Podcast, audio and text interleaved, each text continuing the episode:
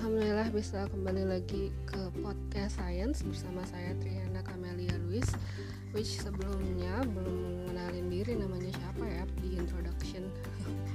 Jadi ya nama gue Triana. Uh, Dipanggil kalau di kampus biasa dipanggil Triana. Panggil Triana aja ya Tapi kalau uh, teman-teman lain kadang manggil Hana atau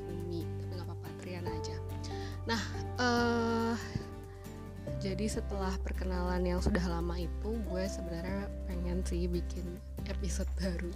Cuman masih masih belum yakin. Nah tapi terus pada beberapa hari lalu uh, gue ngisi tempat sharing gitu tentang masa depan pangan. Dan kelihatannya ada beberapa orang yang penasaran yang kelewatan terus penasaran. Jadi gue pikir kenapa nggak gue omongin aja di podcast biar maksudnya mungkin kalau orang lain mau denger dia bisa denger gitu ya. Nah oke okay, jadi oleh karena itu oleh sebab itu sekarang gue mau bahas tentang masa depan pangan. Ini kebanyakan gue ambil sumbernya tuh dari buku The Science of Food karya Marty Jobson sama baca-baca sama nonton YouTube. Tapi memang referensinya ini banyak kan referensi barat ya referensi uh, luar dan khususnya di barat. Jadi mungkin uh, agak geser agak beda dikit nggak nggak dikit sih agak beda-beda sama kemungkinan yang akan terjadi di Indonesia atau di Southeast Asia gitu ya karena mungkin kondisinya berbeda. Nah hmm, oke okay, ngomongin masa depan pangan.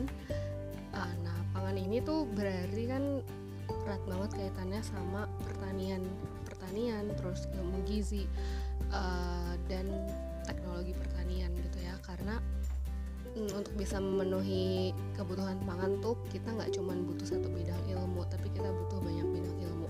Dan menurut gue setelah kemarin gue sharing-sharing juga sebenarnya semua semua ilmu tuh bisa berpartisipasi dalam permasalahan menyelesaikan permasalahan uh, dan ya menyelesaikan permasalahan ini gitu.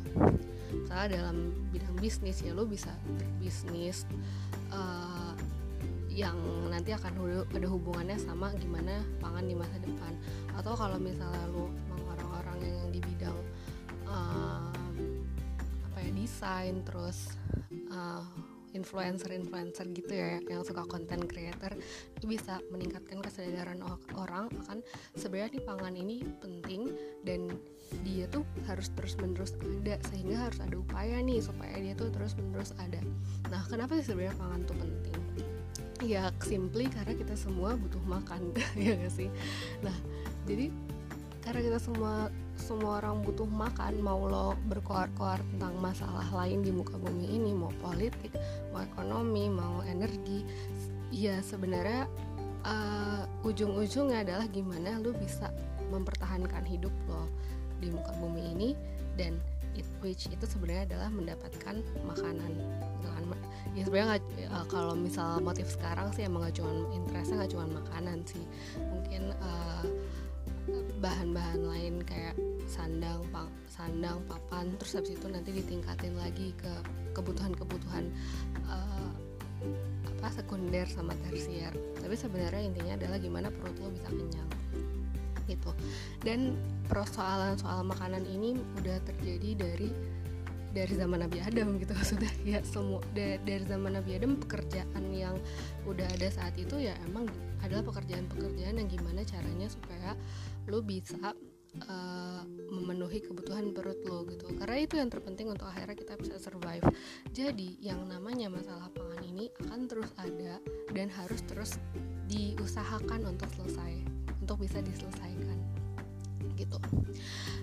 Gitu sih. Jadi kenapa sih topik ini menarik banget dan kenapa gue mencoba membawakan ini di forum yang kemarin tuh kan forum sharing yang orang-orang itu heterogen gitu. Gitu. Nah itu. Nah sebenarnya apa sih yang kita butuhin dari makanan? Nah ini tuh kayak kita mulai masuk ke komposisi nutrisi ya. Jadi ada empat hal yang kita butuhin yang esensial dari makanan. Uh, yang pertama kita tuh butuh gula. Ya jadi gula atau bahasa kerennya karbohidrat. Jadi kalau kita belajar dulu pas SD karbohidrat itu itu asalnya dari apa? Dari nasi dari roti dari tepung. Nah pokoknya yang namanya gula itu tuh adalah sumber energinya sumber energi kita gitu ya. Mau gula dari teh botolan mau gula yang ada dalam nasi itu semua adalah sumber energi. Cuman nanti bedanya adalah kalau yang dari ada ada gula yang lebih ribet, lebih kompleks dan gula yang lebih sederhana. Jadi kalau misal uh, untuk supaya kita tahan lama nih energinya biasanya kita makan yang lebih kompleks which adanya di uh, kayak nasi, gandum gitu-gitu ya. Jadi yang pertama yang kita butuh adalah gula. Yang kedua, apa yang kita butuh itu adalah protein protein. Nah, protein ini biasanya adanya di uh, kalau di pelajaran SD di lauk gitu ya. Lauknya kan kalau kita kan bisa dari tanaman atau bisa dari hewan kan. Kalau dari tanaman berarti apa? Tempe, tahu, jamur itu tuh banyak kandungan protein. Sorry jamur bukan tumbuhan tapi kita masukin aja gitu ya. Nanti kapan-kapan kita bahas.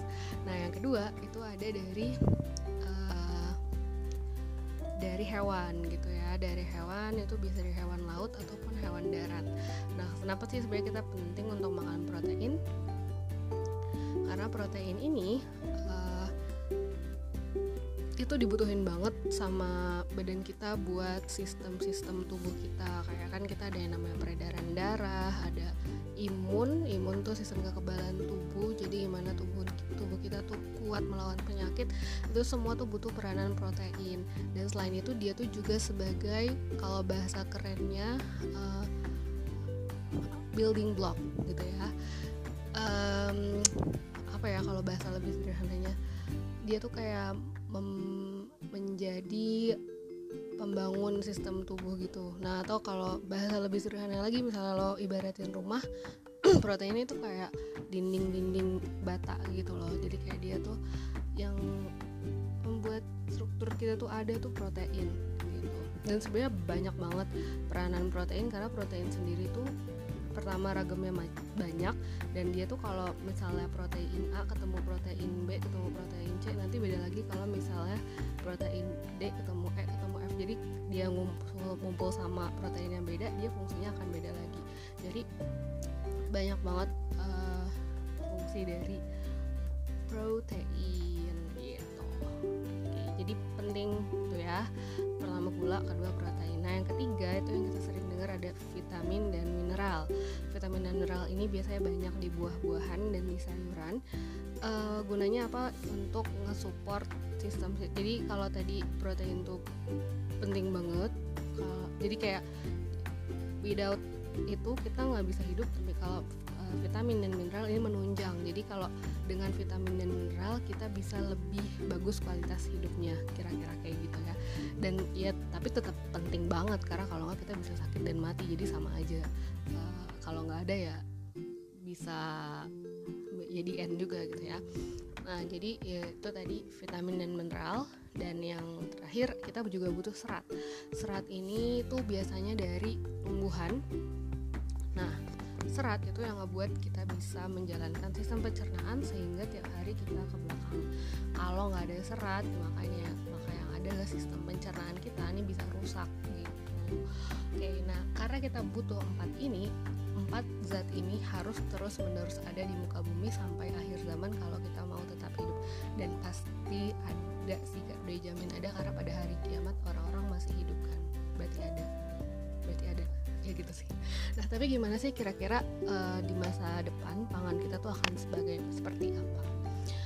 Oke okay, sebelum masuk jadi kita tadi udah tahu apa kebutuhan kita dan kenapa sih gue sampai harus ngomongin di masa depan kayak gimana emang beda sama masa sekarang. Nah diprediksi di masa depan ini akan ada beberapa permasalahan problematika kehidupan yang akan dihadapi oleh umat manusia. Yang pertama adalah jumlah orang tuh akan semakin banyak okay, kalau sekarang jumlah orang tuh sekitar sekitar 6 sampai 7 juta, banyak banget range-nya ya. Ya sekitar itu. Tapi di 2050 aja kira-kira uh, orang tuh akan mencapai sekitar 10 juta. Jadi naik 4 juta. Oke, okay, itu banyak banget guys. Bayangin 1 juta orang tuh banyak banget. Gimana 10 juta gitu ya.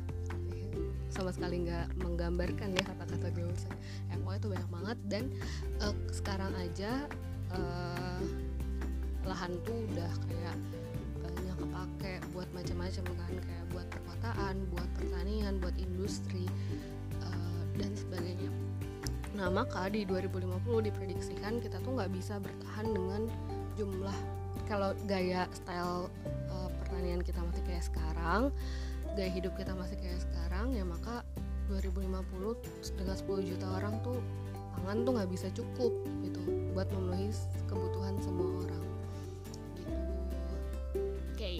terus yang kedua diperkirakan di 2050, 2050 itu krisis iklim tuh akan semakin marak gitu ya. Apa sih maksudnya krisis iklim? Nah sekarang kan kita sering dengar tuh yang namanya pemanasan global. Ya itu kan karena suhu di bumi tuh semakin panas. Nah meskipun sih kita tuh ngerasa panasnya ya paling berapa sih naiknya? Satu derajat. Tapi sebenarnya satu derajat ini sangat matter buat kehidupan guys. Kenapa? Karena kalau kita nih punya kemampuan untuk bisa bertahan dengan kenaikan satu derajat itu tapi makhluk hidup lain kayak tumbuhan atau kayak hewan-hewan lain itu nggak semuanya bisa bertahan dengan kenaikan suhu tersebut dan itu tuh kenaikan suhu bisa berpengaruh banget buat lingkungan gitu. nah kita nggak mau dong karena karena kan uh, salah satu skenario jadi kayak salah satu impactnya kalau sampai pemanasan global itu terus menerus terjadi itu kan uh, itu ya dibilang es di kutub tuh bakal mencair terus kayak permukaan air laut tuh bakal meningkat jadi kayak esnya mencair air di laut makin banyak ya kita tenggelam gitu kan. Itu kan bad skenario nya ke ini. Uh, itu kan uh, dampak yang paling eh, bukan paling sih itu salah satu dampak yang kita takuti Nah ini tuh juga kayak gitu dengan perubahan iklim itu pasti akan berpengaruh sama lingkungan sehingga pertanian juga akan terpengaruh. Terus gimana kita mau memenuhi kebutuhan perut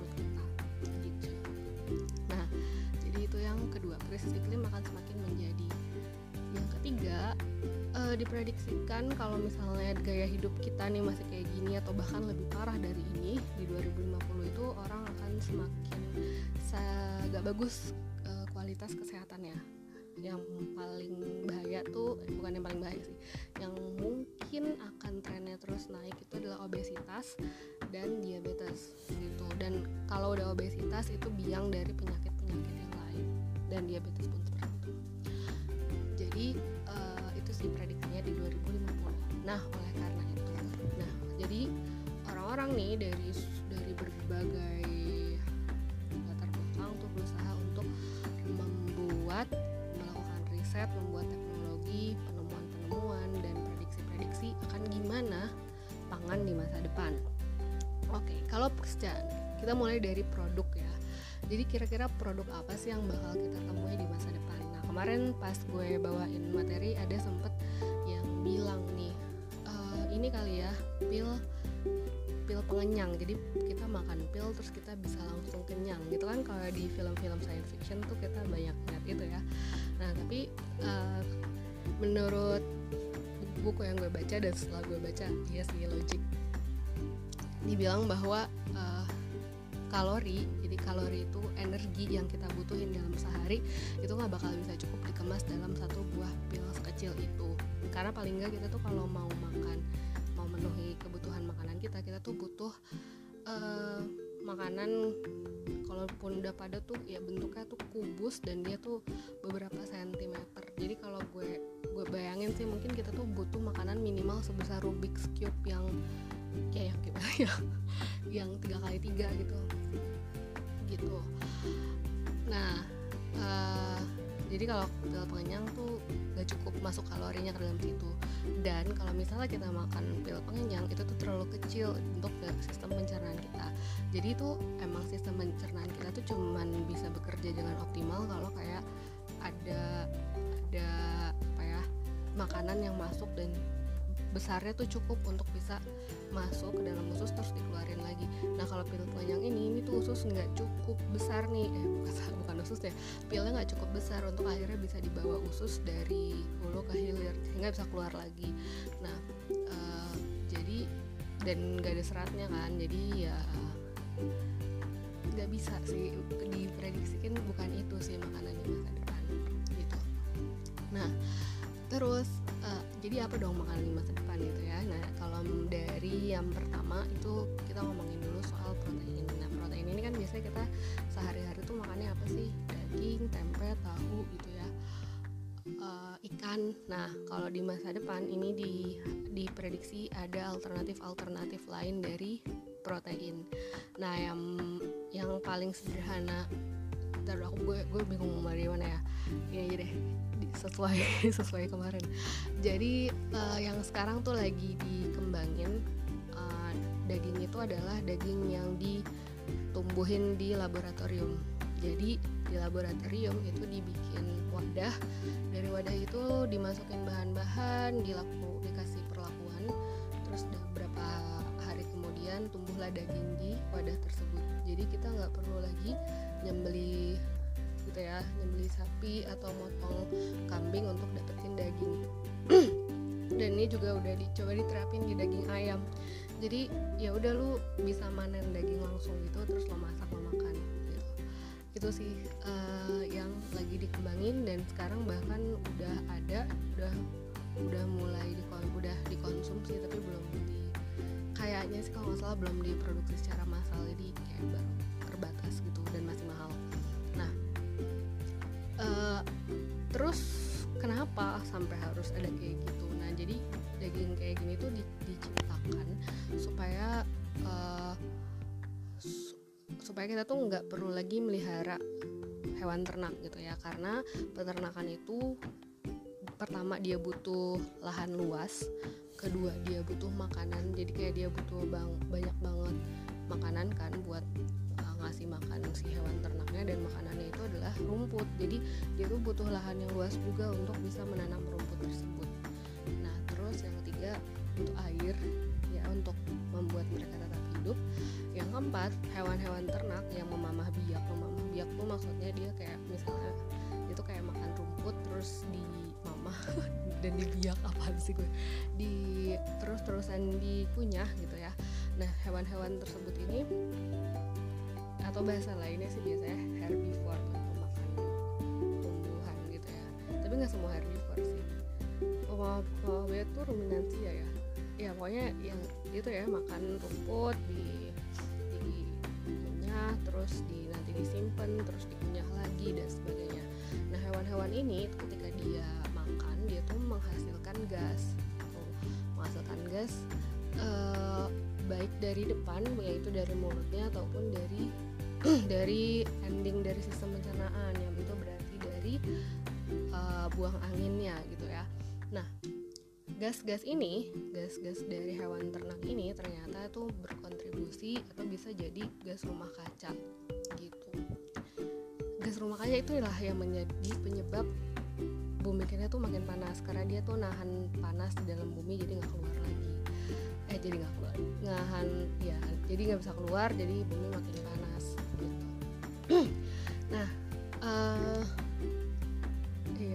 jadi kenapa sih akhirnya peneliti tuh mencoba bikin alternatif daging dengan metode baru gitu? Uh, oke itu yang pertama. Jadi daging yang dikembangin di laboratorium. Nah yang kedua itu masih soal daging juga tapi ini daging yang diciptain dari tumbuh-tumbuhan dan dari jamur. Jadi ini tuh campuran dari uh, tepung tepung dari misalnya dari kentang terus dari alga. Alga tuh ganggang kayak tumbuhan tapi kecil-kecil banget masih tingkat seluler sebenarnya dia nggak nggak cocok disebut tumbuhan tapi biar simple dia tuh hidupnya kayak tumbuhan. Yang kedua eh terus jamur gitu ya terus dicampur jadi otak di otak atik dibikin sedemikian rupa sehingga dia tuh tekstur dan rasanya tuh mirip banget sama daging dan bahkan juicy-nya juicy kayak rasa-rasa juicy-nya itu tuh kayak daging dan sekarang itu udah mulai dipakai sama brand-brand kayak Burger King. Kalau nggak salah McDonald juga udah tapi memang masih di negara tertentu. Jadi ini bisa banget untuk orang-orang yang vegan yang dia tuh cuma konsumsi tumbuh-tumbuhan untuk mengkonsumsi ini dan bisa juga untuk orang-orang yang lebih lagi diet karena memang pasti lebih sehat. Lebih sehatnya karena kandungan lemaknya lebih sedikit uh, dan bisa juga untuk menjadi solusi supaya gak terlalu banyak hewan ternak yang harus dipelihara. Gitu. Itu yang masih soal daging untuk yang kedua. Nah yang ketiga sumber protein di masa depan tuh diperkirain juga akan mulai merambah ke alternatif lain. Misalnya uh, mungkin lebih banyak digalakan untuk kita makan jamur makan ganggang um, itu jamur dan ganggang itu ya karena basically jamur dan ganggang itu lebih mudah untuk dipelihara, lebih butuh space yang sedikit, murah juga dan sehat dan proteinnya tinggi.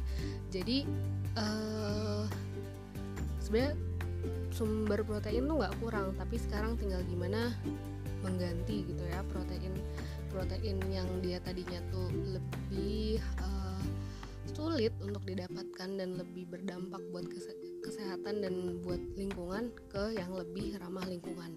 Nah selain ganggang, nah selain ganggang sama jamur itu kita juga bisa uh, mengonsumsi yang namanya serangga. Weh ini sih.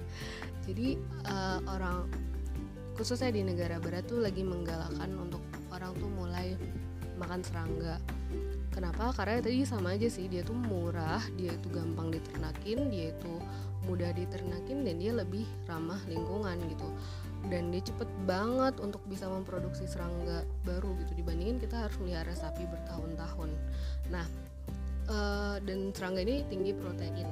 Nah tapi masalahnya sekarang adalah dalam serangga tuh masih ada yak factor yak tuh YUCK jadi uh, orang tuh masih merasa jijik untuk makan serangga. Nah, padahal kalau kita pikir-pikir ya, serangga tuh masih kerabatan nih, masih saudaraan sama kepiting, sama udang yang sebenarnya ya kalau dilihat-lihat ya gitu juga sih nggak jauh beda kan bentukannya cuman karena kita biasa ngeliat serangga ini di tempat-tempat yang kotor jadi kita ada perasaan jijik.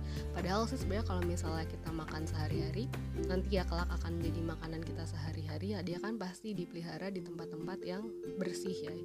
Dan uh, uh, kemungkinan serangga yang akan consumable tuh kayak ada yang namanya mealworm jadi apa ya bahasa Indonesia nggak tahu gue ntar coba di Google. Terus ada jangkrik belalang gitu itu sih. Kemarin ada yang gini katanya gue nggak akan sudi nih kalau misalnya yang di harus dikonsumsi itu kecoa gitu ya. Ya nggak tahu sih gimana di masa depan tapi kalau dari yang sering aku lihat gitu ya eh, nggak uh, termasuk kecoa sih dan sebenarnya kalau di negara-negara Asia di beberapa tempat tuh emang dan Afrika ya di beberapa tempat tuh orang emang udah mulai mengonsumsi serangga. Karena sebenarnya emang akses kita terhadap serangga tuh banyak gitu. Dan sebenarnya dia tuh punya kandungan protein yang tinggi. Oke jadi monggo dicoba. Dan ini bisa jadi peluang bisnis tuh yang mau mulai coba untuk produksi makanan masa depan. Dan gampang viral. Kalau lo sekarang bikin kan pasti jadi viral gak sih? Lo kirim gitu endorse ke artis-artis. Terus itu itu contoh-contoh makanan yang akan kita dapetin di masa depan. Nah selain sumber protein tadi gitu ya kita juga uh, yang kedua itu kita bisa dapat bahan pangan atau tumbuh-tumbuhan atau bahkan hewan yang dia itu akan memiliki kemampuan super. Woi, apa tuh maksudnya kemampuan super? Jadi uh, hewan dan tumbuhan ini bisa kelak di masa depan atau bahkan di masa sekarang juga udah ada itu punya kemampuan-kemampuan yang tadinya itu kita pikir nggak akan bisa dipunyain misalnya uh, tumbuhan yang tahan sama hama. Hama tuh apa? Hama tuh adalah uh, hewan-hewan gitu ya atau tumbuhan-tumbuhan yang dia itu uh, kayak apa ya jadi parasit gitu loh kayak merugikan si tumbuhan yang kita tanam. Karena dia makanin misalnya kita tanam jagung eh jagung kita dimakan sama serangga sama burung sama uh, nutrisinya diambil sama tumbuhan-tumbuhan kecil-kecil di bawahnya gitu ya. Nah itu adalah mereka tuh adalah hama. Nah tapi sekarang udah mulai tuh dikembangin tumbuhan-tumbuhan yang bisa tahan hama. Jadi dia tuh bisa kita tumbuhin aja tuh kita tanam terus ya udah dia tumbuh sendiri hama-hama juga nggak mau makan dia karena emang udah dibikin sedemikian rupa gitu. Jadi ada tumbuhan yang tahan hama. Terus kita bisa juga bikin uh, tumbuhan yang kita masukin bahan-bahan gizi lain. Misalnya kayak beras terus kita tambahin vitamin A. Jadi uh, kita makan nasi tapi dapat vitamin A juga yang biasanya mungkin kalau kita mau dapat vitamin A kita harus makan sayur atau buah lain. Tapi sekarang kita makan nasi aja bisa dapat vitamin A. Atau kita mau bikin misalnya daging yang dia tuh kandungan lemaknya tuh banyak gitu sehingga jadi juicy banget jadi enak banget. Itu tuh sekarang juga udah bisa di bikin nah gimana cara bikinnya gitu? Emang kayak bukan kayak bikin bikin bikin nasi goreng di dapur jadi gitu ya. Nah untuk bisa bikin tanaman dan hewan yang kayak gini itu dibutuhin uh, kun ada kuncinya. Kuncinya tuh adalah yang namanya DNA Weh, apa nih DNA uh, eh, mungkin yang SMA-nya IPA tahu nih DNA itu adalah secara sederhana DNA itu adalah informasi ya. Informasinya bentuknya uh, kode-kode kimiawi yang basically dia zat kimia tapi bisa kita bikin jadi kode yang sebenarnya itu menyimpan seluruh informasi tentang tubuh kita. Kayak misalnya uh, gue punya mata warnanya hitam. Nah di dalam DNA gue itu udah tulis tuh Triana matanya hitam. Tapi tulisannya nggak huruf Latin kayak gitu tapi isinya adalah zat-zat kimia yang kalau orang punya expert dia bisa baca kalau ini Triana rambutnya hitam gitu. Nah uh, dan semua makhluk hidup tuh punya termasuk jagung yang tadi gue omongin termasuk beras yang tadi gue omongin termasuk kucing tetangga lu ya itu semuanya punya. Nah kalau kita punya kemampuan untuk bisa baca kode-kode gitu kayak misalnya gue bisa baca A B C D E F G. A B C D E F G ini artinya adalah uh, jagung yang gue tanam itu nanti akan punya biji warnanya kuning gitu. Nah kalau gue punya kemampuan baca dan gue punya kemampuan untuk tahu gue maunya apa kayak misalnya gue mau jagung itu jadi warna hijau gue tahu nih kode supaya dia bisa jadi warna hijau tuh apa. Nah itu gue bisa bikin si jagung itu jadi warna hijau dengan cara masukin kode hijau ke dalam jagung gue gitu. Nah gampang banget ngomongnya tapi eksekusinya nggak semudah itu. Jadi uh, untuk bisa sampai ke bikin jagung jadi warna hijau itu ya butuh riset, butuh waktu, butuh tenaga, butuh duit untuk bisa akhirnya uh, membuat si jagung ini sekarang punya sifat yang gue pengenin. Meskipun kayak gak, mungkin gak ada gunanya sekarang gue bikin jagung warna hijau, jadi jangan ngomong itu ya.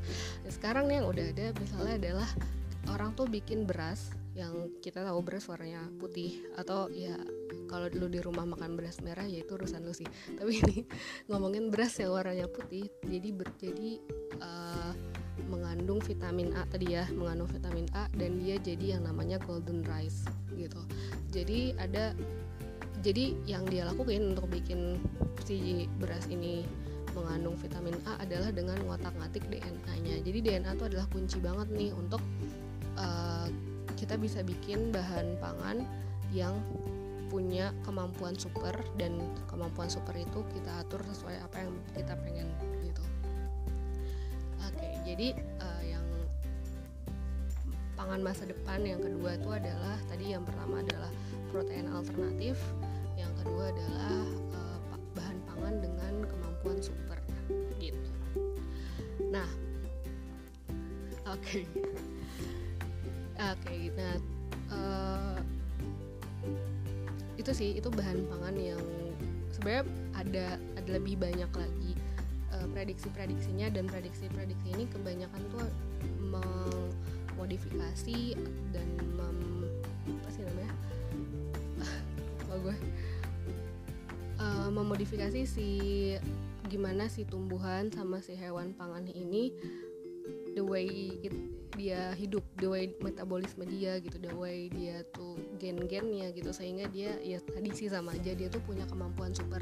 Tapi banyak tuh yang ngomongin kemampuan-kemampuan supernya lebih ke dalam fisiologinya. Jadi gimana dia tubuh dia tuh bekerja. Nah karena gimana tubuh dia bekerja pasti akan berpengaruh kan terhadap produk yang dihasilkan. Jadi di masa depan akan banyak seperti itu. Tapi mungkin terlalu berat untuk gue bahas di sini gitu ya. Nah uh, itu prediksi-prediksi bahan pangan dan itu banyak yang referensinya kan barat ya. Gitu kira-kira mereka merasa masa depan pangan seperti itu. Nah kemarin tuh gue nanya menurut kalian tuh uh, di masa depan kalau pangan di Indonesia tuh apa sih bentuknya? Gitu. Ya ada beberapa jawaban gue udah lupa juga jawabannya apa tapi kira-kira sama sih uh, apa tadi yang tadi udah gue sebut terus di di dipilih-pilih yang mana yang bisa diterapin di Indonesia.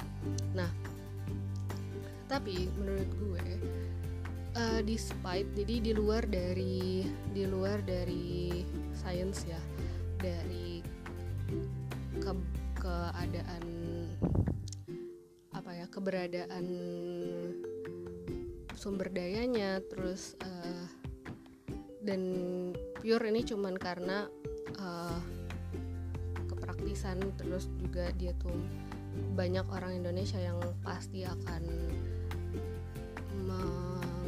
dengan segenap tenaga menginginkan makanan ini tuh tetap ada di masa depan.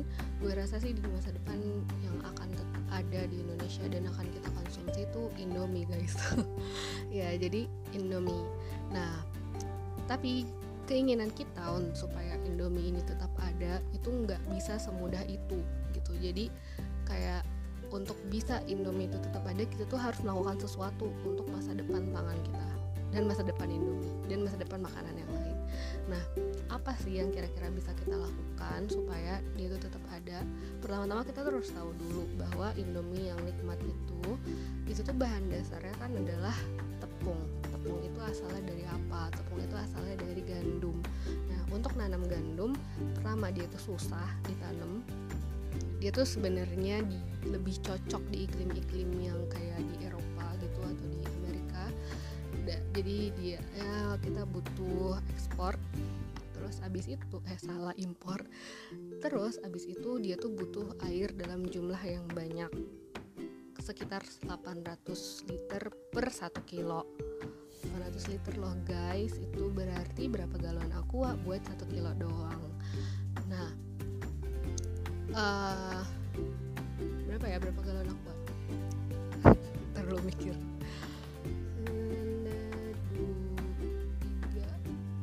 Empat puluh kali ya? Ya bener gak sih? Gue itu ya kira-kira segitu ya. Buat satu kilo doang. Nah hmm, itu baru gandum. Sebenarnya nasi tuh lebih banyak lagi beras tuh lebih banyak lagi kayak 2000 3000-an gitu butuh air ya. Air 3000 liter air buat uh, satu kilo. Nah uh, jadi udah butuh lahan butuh air butuh lingkungan gitu ya.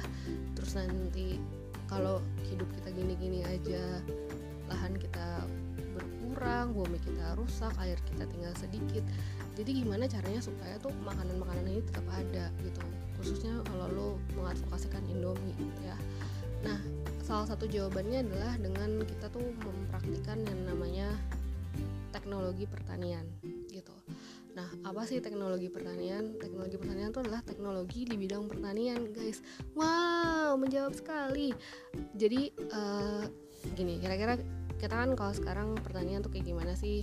Ada yang biasa di gambar-gambar anak TK itu ya ada gunung terus ada sawah sawahnya membentang dan emang kalau misalnya kita jalan nih di sepanjang pulau Jawa aja kita tuh bisa dapat skenario uh, pemandangan-pemandangan sawah tuh membentang gitu ya nah sayangnya dengan kondisi kita yang terus menerus kekurangan lahan dan lahan kita yang banyak rusak pertanian kayak gini tuh lama kelamaan udah nggak ideal ya ideal lagi gitu ya. Jadi ke depannya itu kita harus berusaha memutar otak membuat teknologi melakukan riset untuk bisa jadi lebih baik lagi. Nah pertanian di masa depan tuh diduga kita akan merambah ke lingkungan-lingkungan yang semakin ekstrim. Jadi kalau di masa sekarang ya pernah gak sih lo lihat ada sawah di padang pasir? Bayangin aja gue nggak pernah sih nah tapi sekarang ternyata yang kayak gitu tuh udah bisa. Jadi di Australia tuh contohnya udah ada uh, pertanian yang dilakuin di padang pasir. Nah cuman emang pertaniannya tuh di tempat tertutup jadi kayak rumah rumah kaca gitu. Uh, dan dia itu mem memanfaatkan panas yang ada di gurun itu sebagai sumber energinya terus dia pakai air laut dibersihin dipakai buat pengairannya dan segala macam. Jadi benar-benar pure pakai teknologi gitu. Nah terus uh, menurut gue sih di Indonesia juga bisa ya karena kita juga punya banyak lahan-lahan kering yang panas banget tuh ada terus kita juga punya daerah-daerah apa tuh kalau di deket laut namanya apa? Pesisir yang juga ekstrim maksudnya tingkat kadar garamnya tinggi. Terus kita juga punya tempat uh, tempat-tempat yang topografinya apa ya uh, reliefnya relief apa sih? Ya dia tuh gak ideal lah buat pertanian. Nah tapi sebenarnya kalau kita muter otak dan coba bikin teknologi-teknologi tuh lahan-lahan kayak gitu bisa dipakai. Jadi sekarang tinggal gimana orang-orang kita tuh mencurahkan ilmu sumber daya uang dan tenaganya untuk bisa bikin eh, tempat-tempat yang tadinya nggak produktif jadi produktif gitu. Nah yang kedua di masa depan atau teknologi pertanian lain itu adalah artificial intelligence. Jadi gimana kita memanfaatkan teknologi uh, kecerdasan buatan itu buat pertanian.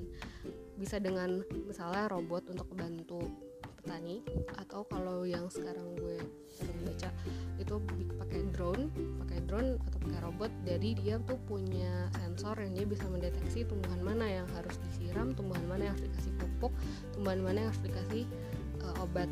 Nah, jadi benar-benar kerja tumbuhan tuh yang dikasih air, yang dikasih obat, yang dikasih pupuk tuh cuman yang butuh doang sehingga lebih hemat air dibandingin kita siram semuanya padahal ada tumbuhan-tumbuhan yang mungkin udah cukup airnya atau ada dikasih pupuk semuanya padahal ada ya tumbuhan yang bisa survive tanpa pupuk.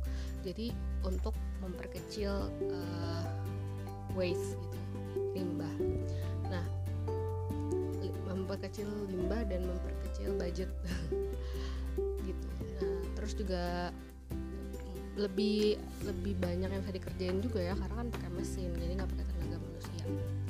Terus yang ketiga itu diprediksi di masa depan kita tuh bakal uh, melakukan vertical farming. Jadi vertical farming itu berarti pertanian dilakuinnya vertikal. Jadi kalau biasanya kita tadi balik lagi ke gambaran alatnya kayak kan sawah membentang gitu ya. Tapi di masa depan tuh diperkirakan sawah membentang tapi ada layer di atasnya. Jadi di atas sawah di dasar tuh di atasnya ada ada tanaman lagi ada tanaman lagi ada tanaman lagi gitu ya sampai bertingkat-tingkat. Nah jadi itu kalau tadinya satu petak tanah bisa ngasilin misalnya 10 kilo. Nah diprediksi nanti satu petak tanah tuh bisa ngasilin lebih dari itu bisa berkali-kali lipat karena sawahnya tuh bertingkat-tingkat. Gitu. Jadi uh, meskipun emang kalau mau bikin kayak gitu ya berarti harus di dalam ruangan sih. Jadi lu jangan bayangin sawah bertingkatnya yang latarnya gunung juga gitu. Nggak tapi di, di dalam ruangan terus kayak ya udah ada tingkat-tingkatannya. Nah uh, jadi itu untuk memperkecil kebutuhan lahan gitu. Sehingga makin banyak yang bisa kita tanam. Nah yang ketiga eh yang keempat adalah uh, apa bio apa sih namanya hidroponik atau aeroponik di mana itu teknik menanam tanpa kita membutuhkan uh, tanah gitu. Jadi kan tanah itu dipakai karena dia tuh ada isinya mineral-mineral yang jadi makanannya si tanaman kan nah kalau dengan hidroponik dan aeroponik ini kita nggak butuh tanah.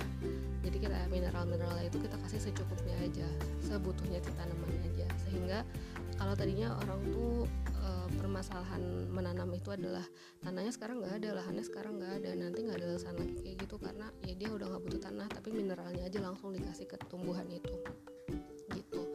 Jadi itu sih kira-kira pertanian di masa depan ya mungkin masih lama sih ya karena PR kita untuk sampai ke situ tuh masih banyak banget. Yang pertama kita pasti butuh banyak dana buat riset kita butuh banyak orang yang mau ngerjain itu dan yang ketiga kita butuh keterbukaan untuk bisa memulai sesuatu yang baru nih gitu. Nah jadi uh, itu sih kira-kira gimana masa depan pangan kelak di masa depan. Nah terus apa kira-kira impactnya buat kita yang mungkin nggak bersinggungan langsung sama dunia pangan memangan ini ya sebenarnya kita tuh bisa ambil beberapa insight dari uh, dari hal-hal mengenai future of the food gitu ya. Yang pertama kita tuh sekarang jadi tahu bahwa untuk bisa uh, menghasilkan makanan nih di piring kita itu tuh butuh butuh apa. Tadi ya misalnya tadi semangkok mie. Semangkok mie itu asalnya dari apa? Dari terigu. Jadi dia tuh harus di pabrik ada orang-orang yang uh, mengolah si terigu itu menjadi mie. Tapi sebelum dia itu masuk ke pabrik itu dia tuh harus ada mah ada tempat di mana terigu itu dibuat kan? Terigu itu dibuat dari apa? Dari gandum. Jadi dia tuh harus ada orang-orang yang ngebuat gandum itu jadi terigu. Nah di antara pabrik dan tempat uh, penggilingan gandum itu itu ada driver yang harus kerja. Ada berarti kalau ada driver yang harus kerja ada polusi gitu kan. Ada polusi yang dihasilin yang dan itu berefek ke bumi. Udah gitu itu belum kita ngomongin soal ada petani yang harus nanamin gandum itu. Si petani punya anak punya istri yang gak ada hubungannya. Jadi uh, jadi makanan yang ada di piring kita tuh itu baru mie nya doang ya belum ngomongin kuahnya. Itu tuh datang dari proses yang panjang gitu. Sehingga uh, jadi sekarang kita tahu ya itu datang dari proses yang panjang. Ada banyak yang bisa kita ambil dari situ. Yang pertama berarti peluang bisnis tuh misalnya peluang kita untuk misalnya berkontribusi untuk masyarakat atau untuk berbisnis atau untuk ber berimpact lah untuk orang banyak tuh banyak kita tuh uh, uh, kenapa jadi ke sana ya? Itu dulu deh. Jadi dari proses yang panjang. Nah yang kedua itu baru ketika peluang kebermanfaatan kita peluang berbisnis kita tuh ada banyak gitu. Karena uh, tadi dalam chain makanan ini sebenarnya kita tuh bisa berkarya loh dengan apa? Dengan membuat teknologi dengan memberdayakan masyarakatnya dengan menginvestasikan uang kita untuk uh, chain food chain ini. Ya bukan food chain sih supply chain sih sebenarnya. Jadi kayak uh, kita tuh bisa berimpact untuk banyak banyak orang dan banyak hal lewat situ gitu ya. Terus juga tadi ada peluang-peluang bisnis misalnya hmm, tadi jamur, uh, ganggang, terus serangga itu kan kira-kira akan menjadi makanan masa depan. Jadi kita tuh bisa bisnis di situ. Atau kalau emang nggak mau bisnis itu berarti bisnis di pengolahannya. Gimana sih kita mengolah mengolah makanan yang lebih ramah yang bisa kita bisnis ini di masa depan? Gitu. Atau di bisnis bisnis teknologi pertanian bisnis pengembangan teknologi pertanian.